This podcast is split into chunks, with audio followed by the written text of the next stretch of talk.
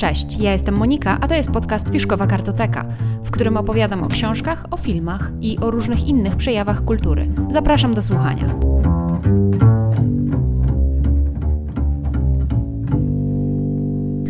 Cześć. Dzisiaj chciałam Wam nagrać pewien nietypowy odcinek, a to będzie pięć zasad, jak dobrze pracować według Ernesta Hemingwaya. O tym odcinku podcastu pomyślałam od razu, jak tylko mm, skończyłam czytać książkę Ruchome Święto Ernesta Hemingwaya, wydane w wydawnictwie Marginesy i przełożone przez Miłosza Biedrzyckiego. Książka mi się bardzo podobała. Ja o niej mówiłam już w którymś z poprzednich odcinków tego podcastu. Link do tego podcastu na pewno znajdziecie w notatkach do dzisiejszego odcinka, więc jeżeli macie ochotę więcej posłuchać o tej książce, to zapraszam tam. Dzisiaj będę mówiła właśnie o takich zasadach, jak dobrze pracować, albo jakie rady miał dla siebie w sumie Ernest Hemingway i jak on pracował. Natomiast są to rady tak naprawdę bardzo ogólne, które możemy zastosować my, zarówno w jakiejś codziennej pracy, jak i na przykład w pracy pisarza. Więc punkt pierwszy, według Ernesta Hemingwaya, to rób przerwy.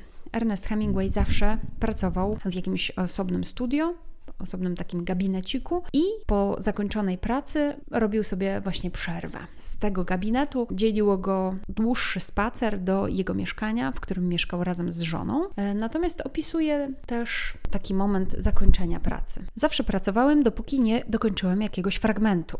I dalej, schodzenie po schodach po dniu dobrej pracy, wymagającej i łutu szczęścia i dyscypliny, było cudownym uczuciem i mogłem potem wędrować po Paryżu, gdzie tylko chciałem. Wiadomo, że w pracy ważna jest przerwa, żeby się nie wypalić i żeby po prostu mieć energię następnego dnia, czy też w następnym rzucie, że tak powiem, pracy. Punkt drugi: rób przerwę wtedy, kiedy wiesz, co dalej robić, lub planuj kolejne czynności. Ernest Hemingway pisze tak: Zawsze pracowałem, dopóki nie dokończyłem jakiegoś fragmentu i zawsze przerywałem, kiedy wiedziałem, co ma być dalej. W ten sposób miałem pewność, że na drugi dzień ruszę do przodu. Nauczyłem się już, żeby nigdy do końca nie wyczerpywać swojej pisarskiej studni, żeby zawsze zrobić przerwę, póki coś jeszcze jest na dnie i odczekać, aż znów się napełni z zasilających ją źródeł. To jest sposób Ernesta Hemingwaya, żeby wiedzieć, od czego zacząć następnego dnia, czy też wtedy, kiedy podjął ponownie pisanie.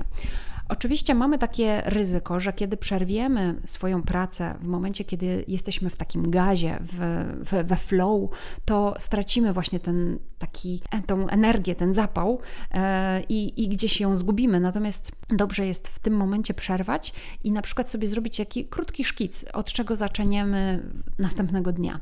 Wtedy po prostu łatwiej nam będzie rozpocząć właśnie tę pracę wtedy, kiedy ją podejmiemy znowu. Nie będziemy się zastanawiać, od czego mamy zacząć, a to jest dosyć często to trudne i na przykład traci się dużo energii i dużo czasu na tym, żeby właśnie wejść w ten tryb pracy od samego początku, na przykład następnego dnia. Punkt trzeci. Daj mózgowi odpocząć i nic nie robić. Jest to naukowo udowodnione, że mózg lubi takie momenty zupełnej inercji, kiedy nic nie robi i kiedy po prostu nie przebodźcowujemy go.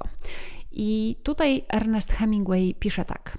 Czasami, kiedy zaczynałem nowe opowiadanie i nie mogłem ruszyć z miejsca, siadałem przy kominku i wyciskałem skórki pomarańczek nad ogniem i patrzyłem, jak ze spadających kropel tryskają błękitne płomyki. Wstawałem i patrzyłem ponad dachami Paryża. Mózg lubi takie momenty, kiedy nic się nie dzieje.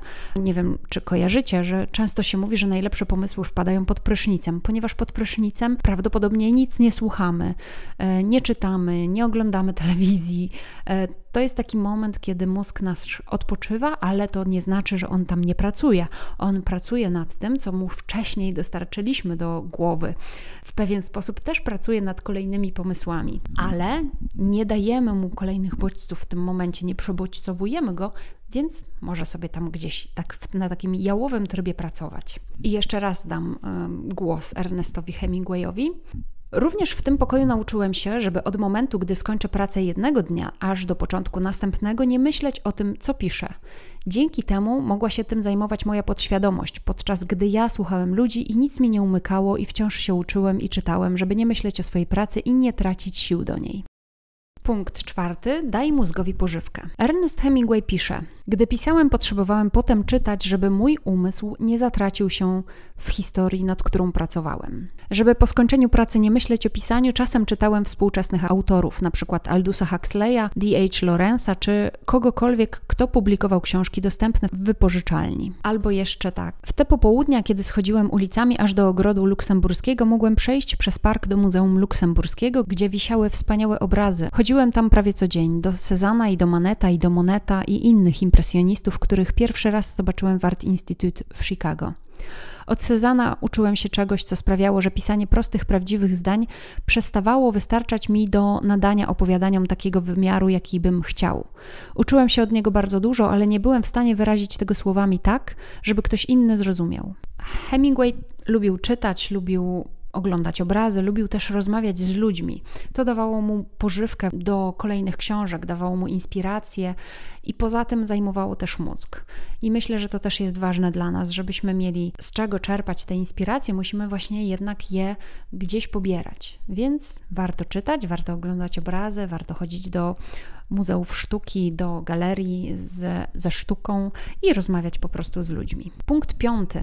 Zmęcz się. No i posłuchajcie Hemingwaya. Trzeba się było koniecznie zmęczyć ćwiczeniami. Wysiłek fizyczny był potrzebny, bardzo dobrze robiło też kochanie się z kimś, kogo kochałeś. Hemingway lubił wysiłek fizyczny, mm, lubił długie spacery, tak jak już wspominałam, spacerował dużo po Paryżu, po zakończonej pracy lubił się przespacerować właśnie do ogrodów e, luksemburskich, czy też jakichś innych. Spacerował właśnie ulicami Paryża e, wzdłuż Sekwany z żoną, sam spacerował e, również po muzeach.